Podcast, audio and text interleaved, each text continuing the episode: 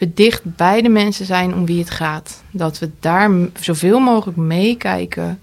Maar dus niet, ook niet over mensen praten, maar met mensen praten. Met mensen zitten, mensen zien, mensen leren kennen. Dat is eigenlijk mijn voorna- voornaamste visie. En daar het plan omheen maken.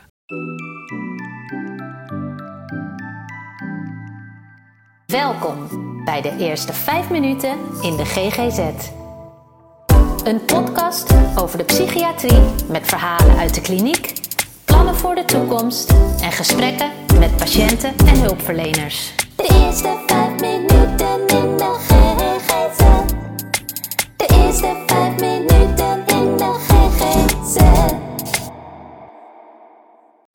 Zo, we zitten hier weer in Studio Westerpoort. Zo begin ik eigenlijk altijd. Maar eh, dit keer heb ik eh, Lotte Brom naast mij zitten. De psychiater van Westerpoort. Het is ook echt de psychiater van Westerpoort. Want je bent The one and only. de one and only. De enige psychiater van Westerpoort. Welkom hier in de studio. Ja, dankjewel. In Bennenbroek, Westerpoort. Ehm, je bent onlangs begonnen hier. Eigenlijk, eh, is dat een half jaar geleden of al langer? Ik ben op 1 december begonnen. 1 december, Dus dat ja. nu begint het een half jaar aan te tikken. Ja, ja, precies. En ehm, ik wilde eigenlijk beginnen met de vraag: ehm, waar begon het voor jou te kriebelen dat je dacht: ik wil iets doen in de geestelijke gezondheidszorg? Of ik wil arts worden? Zeg maar, wat was je, je jongste herinnering dat je dacht: eh, dat past bij mij? Ja, mijn jongste herinnering is geen hele bewuste. Ik heb altijd gezegd, ik word dokter. Ik, ik weet Altijd niet, al. altijd. Het Ja. jongste wat ik me kan herinneren is, ik word dokter. Waar het helemaal vandaan komt, geen idee. Ik heb een hele blauwe maandag, heel jong nog overwogen, ik word dierenarts. Nou ja, ook dokter, maar ja dan. Totdat ik me realiseerde dat je dan ook wel eens dieren uit hun lijden moest verlossen. En dat zag mijn tierenzieltje niet zitten. Nee, Dus toen koos ik voor de mensen. En ik denk dat ik echt al vanaf een jaar of vier, vijf heel keuzevast ben geweest. ja, De GGZ, de keuze, die, die kan ik me wel heel veel bewuster ehm, herinneren.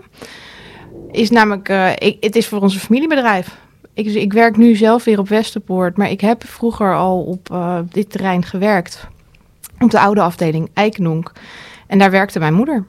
dat heb ik wel eens gehoord in Ja. de wandelgang inderdaad. Ja, ja. Dat mensen zeggen die hier al heel lang werken, zeggen: hey, ik ken jou nog als klein meisje. Ja, Toen men heeft mee. mij in de kinderwagen nog zien zitten. Ja, Ja, en dus bij de, de, de, de zomervieringen, kerstdiners die er vroeger waren, daar kwam ik. Mijn moeder nam ons mee. Ja. Eh, als ze even iets af ging geven. Dus ik, ik ben toen al veel op de afdeling geweest. En toen ik net 15 was, had ik het jaar daarvoor had ik al een, een verpleeghulpbaantje gehad in het verpleeghuis op de Weligenberg hiernaast. En toen zaten ze op de afdeling van mijn moeder omhoog. En vroegen ze van, eh, goh, ziet Lot het niet zitten om bij ons te komen? Dus ik ben bij 15 begonnen op Eikenonk D0 Wauw. voor de zomer. Ehm, en ben nooit meer weggegaan. En wat was de rol van je moeder? Of wat de, deze Eh, ook een van de, de, ja, van de verpleegkundige begeleiders op de afdeling. Ja, Ja, die heeft je geïntroduceerd en je bent nooit meer weggegaan. ik ben nooit meer weggegaan. Nee, en ik heb echt mijn hele middelbare schooltijd, heel mijn geneeskundestudie lang, heb ik op Eikenonk in de weekenden en de vakanties gewerkt. Wauw. En ik ben toen in 2013 heb ik mijn, heb mijn geneeskundeopleiding afgerond. Ik heb het weekend ervoor nog op Eikenonk gewerkt. En de maandag erop ging ik aan de slag als dokter. Zo. En dat werd toen de ehm, acute opnameafdeling van Parnassia in Den Haag. Ja, want dat is natuurlijk wel, doordat je die opleiding hebt gedaan, heb je verschillende plekken, Ja. heb je ervaring opgedaan en voor Ja. school dingen geleerd. Ja. En ik dat- was met mijn kooschappen was ik bij Parnassia terechtgekomen. En dan dacht ik, nou, dit is leuk. Ga ik eens een jaartje ervaring opdoen. Ja. Moet ik er wel bij zeggen dat hetgene wat ik eerst dacht hebben meegekregen van Eikenhoek... was dat ik eh, specialist ouderengeneeskunde wilde worden. Hm. Dus Eikenhoek was de ouderenafdeling. En ik heb heel mijn geneeskundestudie ingericht op het feit... Lotte wordt verpleeghuisarts, punt. En zo al mijn, mijn kooschappen doorgegaan. En het kooschap psychiatrie kwam. En toen dacht ik, hé, hey, dit is leuk. Nuttig. Heb je ook veel in het verpleeghuis. Laat ik daar een jaartje als basisarts gaan werken. En daarna ben ik nooit meer weggegaan. Het is eigenlijk, eh, ja, dus ook nog met ouderen werken, ook met jonge mensen. Hier zit natuurlijk een eh, volwassenenkliniek. Ehm en de psychiatrie, toch? Ja, alles. En eh, hoe vond je het op die acute af- afdeling? Dat is natuurlijk anders. Was een gesloten afdeling? Ja, was, ja, was de high care, de hik. De, Oh ja, de- de- mm, Superleuk. Oké, leerzaam. Heel erg leerzaam. Ik, heb daar, ik, heb, ben, ik ben daar dokter geworden. Je komt vanaf dag één binnen. En je moet leren dat je gewoon snel een besluit neemt. En dat je daarbij blijft. En dat je dat doorzet. Ja. En ik ben daar echt in een hele korte tijd. Ja, ja, ja, er is geen geduld. Je moet... Gaan door. met die banaan. is, ook dat is acuut. Ja. Ja. ja. Dus ik ben daar heel snel volwassen geworden als dokter. En van daaruit ben ik toen, eh, omdat ik wel nog twijfelde tussen wil ik nou psychiatrie gaan doen of wil ik alsnog de, de, de ouderenzorg gaan doen, ben ik bij Parnassia bij het psychiatrisch verpleeghuis gaan werken. Dat is Dorenstad. En toen was ik eruit. Toen, dat is Dorenstad, wat je je daarbij voor moet stellen, is een soort afdeling. ehm, het oude Eikenhonk. Daar lijkt het heel erg op. En eigenlijk Westerpoort alleen dan een jaar of twintig ouder qua... De, dat de, de mensen daar twintig jaar ouder zijn dan wat ze hier zijn. Ja, ja, ja. En toen was ik Niet verkocht. qua gebouwen of qua Nee. beleving of qua... Ook wel, maar met name, ik bedoelde met name de Ja, populatie. de populatie, ja. Ja. Oké. Ja, en Ja. toen was ik verkocht. Ja. En toen ben ik de opleiding ingegaan. Die ben ik voor het grootste deel bij Parnassia doorlopen. En op het laatst, omdat we woonden toen in Voorburg, maar ik wilde graag terug eh, nou, naar onze roots. Mijn man en ik komen beide uit deze regio. Ehm, en we zijn in Lisse gaan wonen. En toen heb ik gesolliciteerd bij Rivierduinen op de oudere afdeling daar. En daar 2,5 jaar gewerkt. En dat sloot toch niet helemaal aan. Ehm, dat was ook een opnameafdeling. Het is een andere patiëntengroep dan wat je hier op Westerpoort hebt. Mhm. En het was deze groep naar waar ik op zoek was. En wat, wat is dan het verschil? Ehm, de, de aandoeningen hier op Westerpoort zijn erger. Ja. Dus mensen zijn zieker, mensen hebben meer zorg nodig, het beeld is complexer. Dus waar ik op voorhoud gewoon heel ja, richtlijngebonden kon werken, kwamen mensen hè, met een matig ernstige depressie. En die stelde ik volgens de richtlijn in. En dan Ja. wist ik, nou, met een maand of twee staan ze weer buiten, aanmelden bij de poli en hop, gaan met die banaan. En die ging en dan kreeg ik eigenlijk hetzelfde beeld voor terug. Dus je had behoefte aan meer uitdaging. Veel meer uitdaging. Ja, Nou, die krijg je eh, volop, denk ik. Met Deze groep. absoluut. En helemaal omdat je de enige psychiater bent. ja. Want er zitten hier 70 patiënten op heel Westerpoort. Ja. Hoe is dat? Kan je dat, eh, ik, vond valt het, dat te managen? ik vond het van tevoren super spannend. Ja. Ik heb echt wel getwijfeld van jeetje, dat, dat was mijn grootste twijfel eh, om de overstap te maken.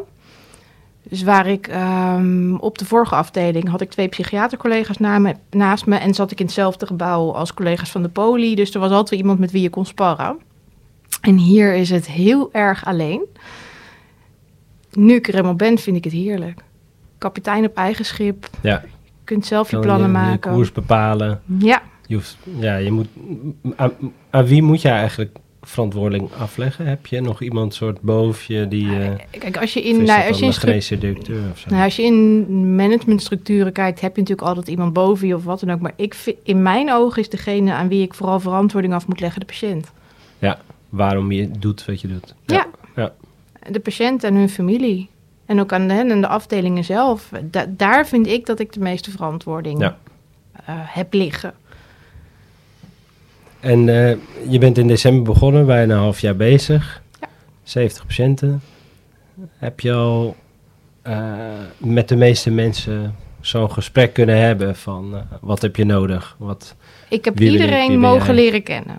Iedereen, en ja. iedereen nu heb ik nu gesproken. Ik wilde heel graag, dat, dat vind ik ook heel belangrijk. Ik, ik, ik, ik vind dat ik geen dokter kan zijn over mensen die ik niet ken, die ik niet zie. Dus ik wilde niet zozeer over mensen praten als met mensen praten. En dat hebben we ook per januari, heb ik de grote visite in het leven geroepen. En dat betekent dat ik elke week in de maand een afdeling heb waar ik de grote visite doe. En daar spreek ik iedereen en daar zie ik iedereen. En dat is echt, kan je bijna zien als visite. Je komt op visite op een afdeling, je bent daar aanwezig. Je geeft het aan bij de cliënten en die kunnen één voor één bij jou. Nou, het, het wisselt per gesprek? afdeling. Want bijvoorbeeld op eh, Westerpoort 1 is het veel laagdrempeliger. Ik loop binnen. Ik kijk waar ik tegen, wie ik tegen het lijf loop. Meer spontaan. eh, Vraag ja. of ze tijd hebben voor. Of ze interesse hebben in. En dan gaan we even een gesprekje aan als dat inderdaad is wat ze willen. En anders uiteraard niet. Maar dan probeer ik er altijd nog een beetje een ganggesprekje van te maken. Want je hebt toch ook altijd mensen die pertinent niet willen en dat blijft het niet willen. Maar dan heb je elkaar wel gezien. Ja, ja. En als je dan een gesprekje hebt over het weer van vandaag, dan heb je toch een beetje een indruk van wat er in iemand omgaat. Wat, ja. wat kan iemand wel even in de ogen kijken en zien, zit daar spanning of Ja, hoe, hoe loopt iemand erbij? Dus op die manier heb ik ook wel ongeziene gesprekken met mensen. Ja, ja precies. Heel slim. Ja, eh, waarbij ik op Westerpoort 2 al wat meer, eh, toch iets meer op afspraak werk, maar ook wel nog veel binnenloop. Op Westerpoort 3, door hoe mensen daar veel meer eh, dagbesteding, hun eigen hartje hebben, hun eigen ehm, bedoeling, werk ik meer op afspraak en komen de meesten naar mijn kamer voor het gesprek. Ja, ja, want Westerpoort 3 is dus voor de luisteraars die het niet kennen, dat zijn eigenlijk gewoon losse units, appartementjes. Ja. Dus daar ben je, die mensen die daar zitten zijn wat zelfstandiger, die gaan meer hun eigen gang. En dan heb je daarnaast Westerpoort 1 en 2 en dat zijn echt klinieken, Afdelingen. eigenlijk afdelingen. Ja. Of één kliniek met twee afdelingen. Ja. Ehm, ja, pittig, ja, 70 eh, patiënten. Ehm, wat, eh, wat doe je zoals als psychiater? Ja, dat is wel een, dat is een lastige. Nee, het, het klinkt net namelijk alsof je niet doet, niks doet. Nee, wat je doet is naar het totaalplaatje kijken. En naar de grote lijnen. En dat je probeert met de persoon die je voor je ziet. Want ik zeg altijd, hier, je kunt niet volgens richtlijnen werken. Dat kan niet. Daarvoor is het te complex. Dus je probeert naar het totale plaatje te kijken. En dan met alles van wat je weet van richtlijnen. Van, van wat je met mensen in het verleden hebt gezien. Wat je hebt meegemaakt. Probeer je de beste keuze te maken. En daar dan nou ja, samen over eens te worden. Maar ook met de afdeling zelf te kijken. Want kijk, ik ben hier zes maanden. Ik ken de mensen helemaal niet zo goed. Ik heb geen vergelijking. Ik weet niet hoe Mhm. iemand twee jaar geleden was. Hoe iemand, sommigen die hier heel lang zijn, hoe iemand tien jaar geleden was. Ja. Dus ik vaar in dat opzicht ook een hele belangrijke mate op de, op de ervaring en de kennis van mijn collega's op de afdeling. En dan samen grote lijnen uitzetten. En daar naartoe gaan werken. En is dat dan ook, kan je dat zeggen dat dat een soort holistische Ja. aanpak is? Dus dat je het geheel pakt, inderdaad, van de patiënt, netwerk doorheen, geschiedenis. En dat vind ik het leuke aan Ja. zo'n afdeling als Westerpoort, dat je daar die kans krijgt. Ja. Dus waar het op een acute opnameafdeling, logischerwijs, hè, het is acuut, het acute probleem moet opgelost, er is druk op die keten. En als het probleem is opgelost, gaan mensen verder. En dan gaat het hele plaatje, het vervolg gaat weer naar het wijkteam of naar de poli. En op zo'n plek als hier kun je bij alles stilstaan. Ja. En soms is het veel meer iets sociaals, of soms is het veel meer iets somatisch. En daarin puzzelen, Ja, ja, dat ik is vind het echt fantastisch. En je hebt meer tijd. Ook. Tegelijkertijd ook weer natuurlijk weer niet, want je hebt, moet heel veel mensen zien, dus je, de tijd dat je met iemand bezig bent is misschien beperkt. Maar mensen zitten hier het over, over het algemeen langer, dus een langdurige eh, psychiatrie. Dus daardoor kan ik me voorstellen dat dat ook, ook rust geeft in je hoofd van dit is een soort meerjarenplan wat Ja. je met iemand gaat maken. Ik, ik zie nog heel veel van, ik denk van, oh, dat zou ik willen doen. Oh, daar zou ik iets mee willen. Ja. Oh, hier wil ik me in verdiepen. Maar als ik dat allemaal tegelijk opschrijf en vind dat ik daar binnen een week iets aan moet doen, dan zit ik ook met die week met een burn-out thuis. Ja, dan zit je meteen vol. Ja. Dus ik probeer voor mezelf telkens hapjes van de berg af te pakken van, nu ga ik dit hapje doen. Ja.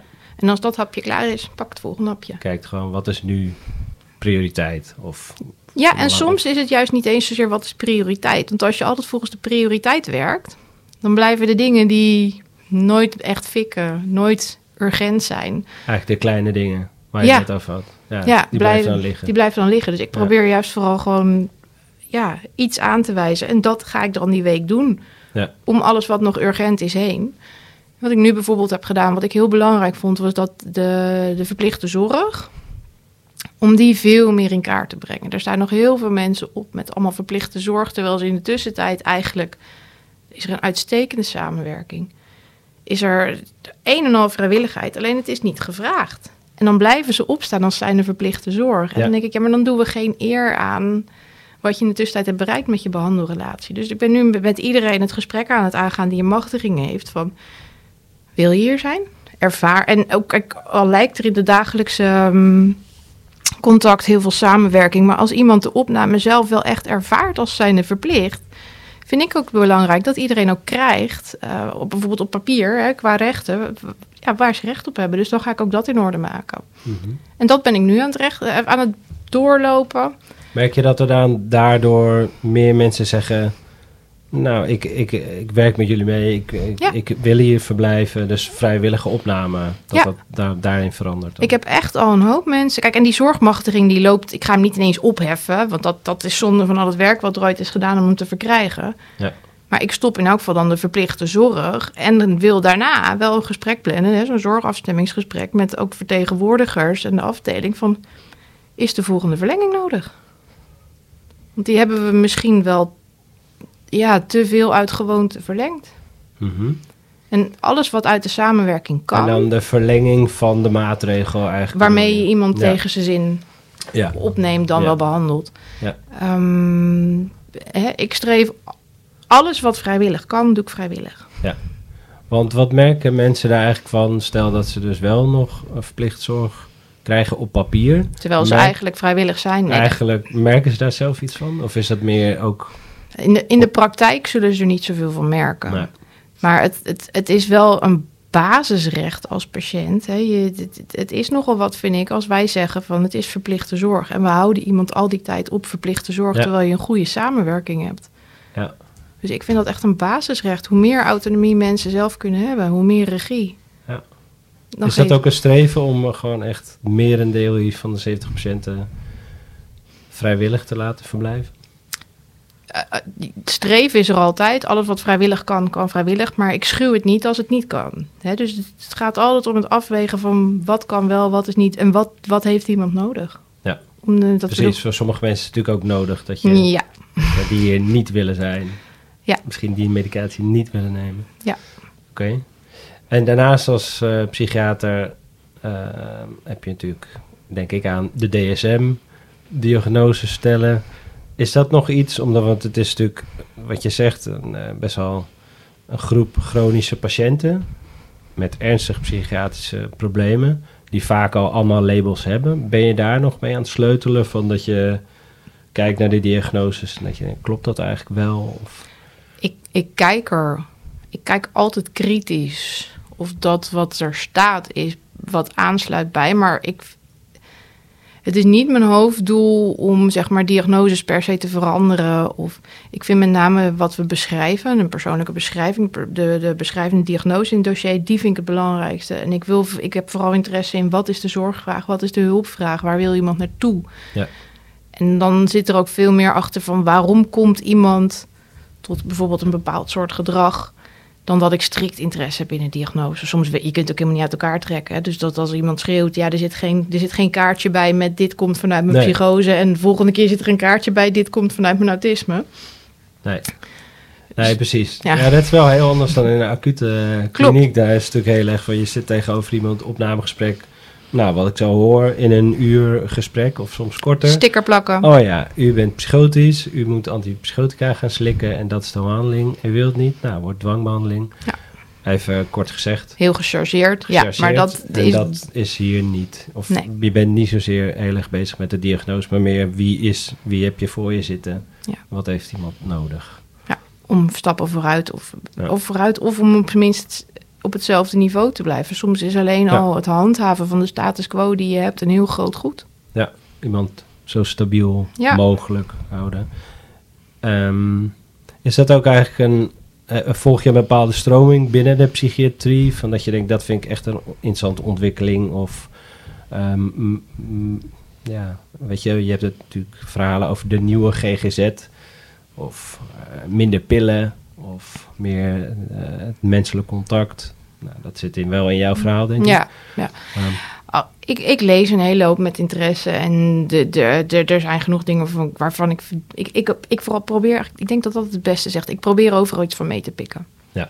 En dan te kijken van wat bij deze afdeling past, wat bij mij past, wat bij onze patiënten past. En op die manier een soort eigen Westerpoortstroming te maken. Mhm. Ja, ja, ja. Mooi. En ehm, je hebt ook eh, kinderen thuis, hè? Klopt. Nou, je hebt een gezinsleven. Je, Ja. Ik hoor je ook wel eens praten over dat je achterwacht bent of nachtdiensten draait. Ja, hoort er allemaal bij. Best wel pittig allemaal. Ja, eh, hoe eh, hou je jezelf...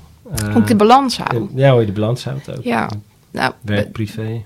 kijk, ik denk dat elke dokter, of welk specialisme je uiteindelijk ook gaat doen, loopt een keer in zijn carrière, het zij vroeg, het zij laat, een keer tegen de grens aan. Ehm, nou, ik ben die ook ergens in mijn opleidingstijd tegengekomen. En ik heb daar vooral heel veel van geleerd. En ik weet dat ik, ik kan heel veel werken. En ik vond het vooral omdat ik het ook heel leuk vind. Hè. Ik, ben, dus ik ben hier, ik heb nu een contract voor 36 uur. Ik ben hier vier dagen. Ik werk regelmatig in de avonden nog. Omdat het gewoon af moet, maar omdat ik het leuk vind. Ik, ik, ik, Ja. ik weet waar ik naartoe werk. Ik weet wat ik wil. Hier goede, ja, goede zorg neerzetten. En dus zolang als ik gemotiveerd ben en ergens energie uithaal, kan ik die werkbal heel goed omhoog krijgen, om, omhoog houden. Ehm, en dat is thuis heb ik gelukkig een echt een fantastisch man. Die mij grandioos veel steunt. Ook heel veel zorgt dat ja, mogelijk maakt. Dat als ik dienst heb, dan is hij er. Ja. En het allerbelangrijkste bij ons thuis is de rusttijd regelmaat handhaven. Dus dat wat je ziet dat eigenlijk mensen hier op de afdeling nodig hebben. Gewoon duidelijkheid, structuur, Ja, zelfde tijd naar bed. Door, eh, Zit hem heb in ik dat thuis, ja. En, en- maar ook voor mezelf. En zolang als we dat hebben, Werkt het. is die Ja. balans er. Ja. Ja, maar der ergens energie uit kunnen halen. En mijn grootste valkuil zit in het verzanden in administratie. Ja. Dat ik dan denk van dat moet nog, dat moet nog, dat moet nog. Vooruitschuiven, het is niet leuk, maar het moet. Nou ja, ik doe het dan wel, maar als ik Ja. dat te veel doe op een dag, daar loop ik onwijs op leeg. Ja, Dat is dat zo- kost energie. Moet Ja. gedaan worden, maar... Ja. en ik moet dan eigenlijk er juist tussen uitstappen. Gewoon weer even iemand gezien, praatje Ja. gaan maken. En als ik dan weer patiëntcontact heb, kan ik weer vooruit. Even opladen Ja. door een gesprek. Of, Ja. Ja. Ja, dat geeft me dan heel veel energie en dat geeft me heel veel lol in mijn werk. En dan Ja. kan ik ook de, de, de nare klussen weer even aan. En lukt het je ook om dan te zeggen, oké, nu, ik merk het, weet je ik eh, stroom leeg. Ik moet weer eventjes op pad of met iemand Ja, wel, meestal lukt dat wel. En het is ook een belangrijke mate gewoon een beetje lief zijn voor jezelf. Hè? Dus Mhm. ik bedoel, ik heb ook wel eens een dag dat ik denk van, nou, ik ben nou vandaag niet bijster productief. Dan gewoon accepteren van jezelf. Ja, hoort er ook bij. Ja, hoort erbij. Morgen beter. Mm, ja, ik zat te denken, heb je een voorbeeld van een casus die, je- waar je nu aan werkt, waar je soort je tanden op stuk bijt? Of dat je denkt, jeetje, dat is wel echt... Of, of gewoon heel inspirerend of, of eh, uitdagend of heel lastig. Dat je, denkt, kijk, een, specifieke casus eh, noemen vind ik lastig, hè, want het, ik, ik, het, het moet niet herkenbaar zijn. En Ja. ik, vooral dat de, de, iemand zelf zich er niet in herkent. Ik vind wel dat ik, ik wat ik. Ik denk, ik kan heel globaal eigenlijk over Westerpoort zeggen dat het leeuwendeel van de patiënten dat de, wat ik zie door de, de, de tijd die je erin stopt, die krijg je ook terug. Dus als ik zie hoezeer een hoop mensen me vertrouwen, opzoeken, contact maken in zo'n korte tijd, Ja. nog geen half jaar, dat vind ik eigenlijk het mooist. Ja, dat geeft voldoening. Ja. Ja. ja. En er zijn altijd uitzonderingen. Er zijn ook een heel aantal mensen absoluut niet blij met me. Maar dat is ook iets wat ik moet verdragen. Mhm. Ja, dat hoort erbij. En die zullen, ja, dat heeft ook nog wat meer tijd nodig dan misschien. Nou, en soms betekent goede zorg verlenen ehm, niet per se dat iemand er blij mee is. En ik probeer dan heel goed bij mezelf te blijven denken. Hè, dus mijn kompas scherp te stellen. Ja, maar is dit wat ik denk dat voor die persoon uiteindelijk het beste is? En waar diegene op alle vlakken, hè, dus dat holistische, zowel in sociaal opzicht, in psychiatrisch opzicht, in lichamelijk opzicht, uiteindelijk het meeste baat bij gaat hebben. Mhm. En zolang als ik daarop volmondig ja kan zeggen, dan doe ik ook echt dingen waar mensen absoluut niet blij mee zijn en mij dan helemaal niet aardig vinden. Maar uiteindelijk... Nou, ik, er zijn ook wel mensen waarvan ik denk dat ze me uiteindelijk niet aardig vinden. Nee. Maar dan haal ik mijn voldoening uit het feit dat je toch ziet dat er verandering is. Ja, ja, ja. En dat dat misschien, ja, misschien dat dat dan even duurt voordat ze dat zelf inzien. Of misschien gaat ze of gewoon niet niet inzien. komt. Nee, nee. Maar jij ziet het wel. Ik, ja. ja, ja. Ja. Precies. En ik denk dat dat vond ik ehm, bij mijn, mijn, zeg maar mijn introductie, eh, bij mijn debuut in de psychiatrie als dokter zijnde wel het meeste wennen. Dus daarvoor had ik op Eikendonk gewerkt en ja, daar was iedereen eigenlijk al blij als ik er was. Want ik was de, ja, de verpleeggroep en ik was voor het wandelingetje, voor het kopje koffie, voor de gezelligheid Laagdrempelig. laagdrempelig. de echt vervelende dingen, ja, die kon ik uit de weg gaan. Want ik was natuurlijk niet iemand die de prikken ging geven of wat dan ook. Dus daar zat best veel waardering aan vast. Als je dan op een acute opnameafdeling gaat werken, dan is die waardering als dokter, als degene die dan ook nog zegt: Jij moet nu dit, jij gaat deze dwangmedicatie krijgen. Ja, Dan is die waardering best heel ver te zoeken. ja, ja. ja. Staat ze tegen je door, deur te bonzen? Of, Ja, ja, eh, ja, er worden dingen tegen je gezegd. ehm, Ja. Nou, Ja, dat moet je ook komen, maar eh, daar krijg je een dikke huid van. ja, Denk ja ik. dat is echt wennen geweest. Ja, Ja. Ja. En dan met name Den Haag, dat is echt hele stadse psychiatrie. ja. Dus ehm, de, de- ik, ik heb ook weer heel erg moeten wennen toen ik eenmaal overstapte naar Rivierduinen. De- dat ik op een gegeven moment zeg van, goh, ik werk hier nou al een half jaar en ik ben er niet één keer voor, sorry, kankerroer uitgescholden. Dat, dat verbaasde me, want dat was daarvoor, Typisch Den Haags. Haags. ja. Ik zal het niet herhalen. nee, we zullen ik, hem eh, niet ik, herhalen, eh, maar even om hem bij te stellen. Ja, gewoon ehm, ja, hard op de tong en eh, die krijg Ja. je even vol in je gezicht. Vol, Ja. ja. En de eerste keer dan schrik je je dood en de, de paar En- keer daarna ook. En dan op een gegeven moment... Ja, Weet je, dat dat het is waarvan ze denken dat ze je raken. Ja, Dus ben je een jonge vrouw, ja, dan moet je wel eh, een, een, een, om me te raken, me beschuldigen van een beroep in de lichte zeden. Ja, ja. Hè, dat ze denken dat dat een. Hoe ging je daarmee om in het begin? Dat je dat dan voor je kies krijgt? Ja, de- de- ik zeg al, ik vond niet zozeer het uitschelden een ding. Ik vond het gebrek aan dat mensen blij met je zijn. Het gebrek aan waardering. En dat, dat vond ik veel moeilijker te verdragen. Ja, dat jij denkt, ik ben hier voor jou. Ik probeer, je, Ja. je, je bent Ja. in crisis. Ik probeer een Ja. plan met je te maken. Ja. Ik luister naar je. Potverdorie, ik doe zo hard terug? mijn best. Een bak met Scheldwoorden. in mijn Ja. gezicht. Ja. Ja, dus ik, dat schelden aan zich. Ja, nee, ik, vond, ik heb het nooit leuk gevonden. Ik heb het echt natuurlijk nooit leuk gevonden, maar dat trok ik me niet eens zozeer aan. Maar het feit dat ik daar. ehm, ja, je moet bijstellen waarom je er zit. Hè. Je zit, bent uiteindelijk allemaal dokter. En niet alleen dokter, hè, dat geldt voor verpleegkundigen, begeleiders, even zo goed. Je bent hulpverlener geworden omdat je mensen wil helpen. Ja. Je wil mensen beter maken, maar bovenal helpen. Er zit niks dan een goede intentie achter. En als dan die intentie niet alleen niet wordt gezien, maar actief wordt betwijfeld. ja. Ga je misschien ook een beetje aan jezelf twijfelen of denken van waarom doe ik Doe ik het dit wel goed? eigenlijk? Of doe ik het wel Ja. goed? Ja. Is dit dan het meest passend? Ja. En dat is in het begin wennen. En nu helpt het mij om mijn kompas een kant op te zetten. En te weten, ik twijfel niet meer aan mijn, mijn eigen intentie. Daar twijfel ik niet meer aan. Dus ik ben minder afhankelijk van de waardering en de goedkeuring. ja. Je bent sterker geworden eigenlijk daardoor ook, doordat je Ja. dat hebt meegemaakt. Ja. Ja. Omdat je toch weet dat bij die lange adem en naar alles blijven kijken en een koers uitzetten, dat je wel iets bereikt. Mooi. En ehm, ja, je bent hier nu een half jaar. Hoe bevalt het hier? Goed. Westerpoort. Ja. Ja, ik kan niet anders zeggen. Goed. Ja. Je, je, je, je kunt het natuurlijk niet zien over die microfoon, maar ik denk dat je me ziet stralen. Ja, ik ja, ben, hier- ik, zie het. ik zie het. ik ben Ja. hier echt heel gelukkig. Ja, nou, Ja. wat fijn. En dat komt door die patiënten? Of, eh, dat, Die, die, die staan echt met stip op nummer één. Ja, Ja, maar zeker ook de collega's. Ik, ik ben met zulke open armen zo warm ontvangen. Door alles en iedereen. Ehm, dus de, de gewoon een hele goede start gemaakt. Fantastisch Ja, goede start. Ja. Ja, ja. Dus dat door alles en iedereen. Patiënten, eh, de collega's.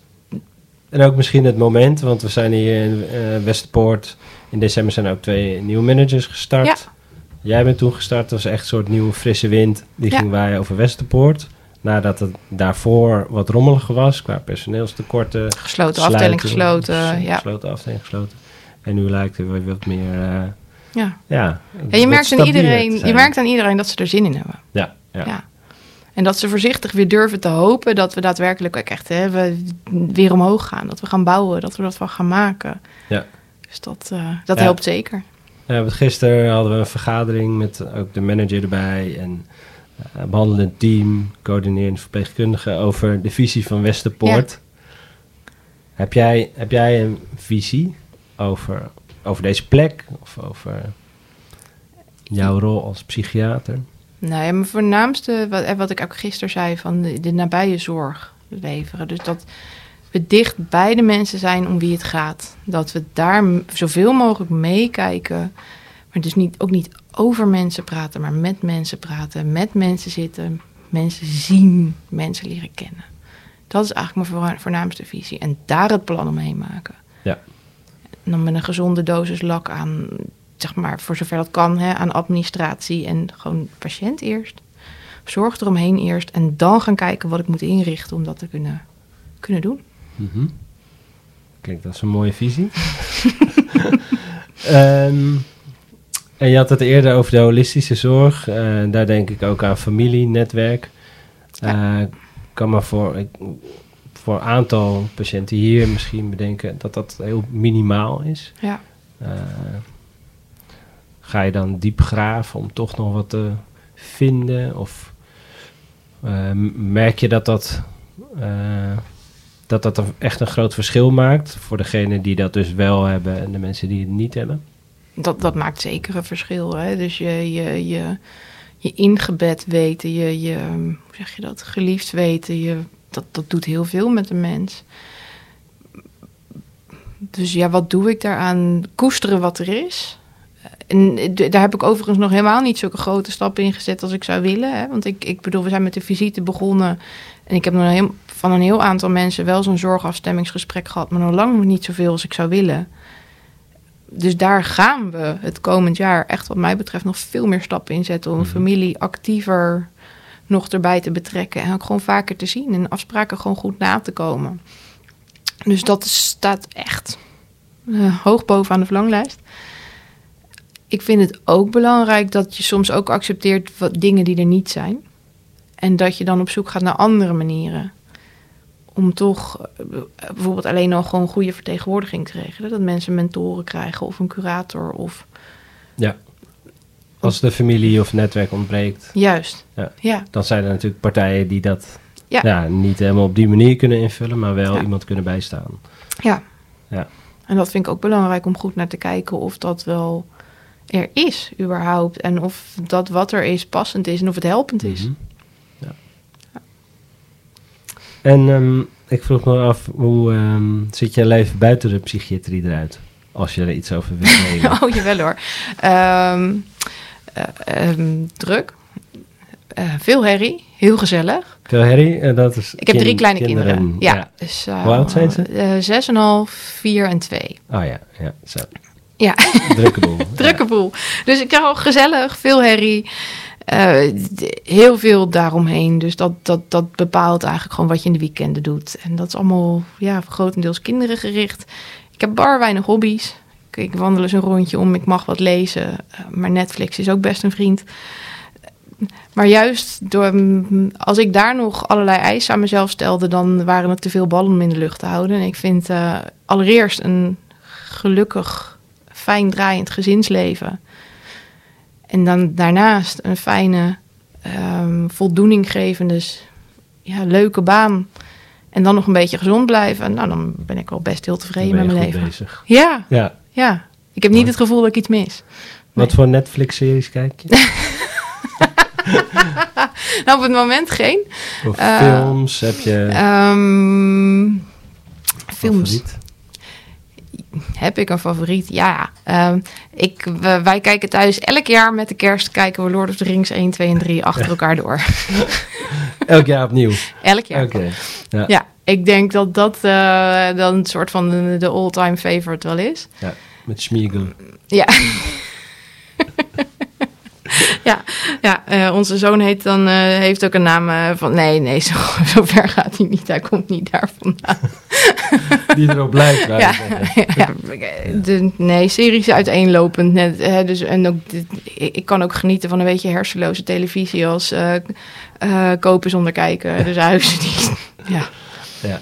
First dates. Nee, die niet. Oh, Nee, nee, daar haak ik binnen een halve minuut vanaf dat ik daar met sch- plaatsvervangende schaamte... Ja, eh, te ongemakkelijk. te ongemakkelijk. Zoveel sociaal ongemak verdraag ik niet. Oké. Dankjewel, Lotte. Ik denk dat... eh, ik, heb jij nog dingen dat je denkt... Dit, is, dit wil ik toch echt nog wel even kwijt? Of belangrijk om te vermelden? Nee, ik denk dat echt het belangrijkste is gezegd. Dat ik het hier onwijs naar mijn zin heb. Ik voel me Ja. hier op mijn plek. Ja, Ik voel me hier heel welkom. Ehm, en ben echt blij dat ik hier mag zijn. En ik heb heel veel zin in wat we nog gaan doen met elkaar. Waar we naartoe gaan. En ik ben ook heel benieuwd wat naar iedereen's bijdrage. En ik wil dat heel graag samen doen. Dus dat, super. Nou, we Ja. zijn ook heel blij met jou. gelukkig. Dus, eh, nou ja, dank voor het gesprek. Graag gedaan.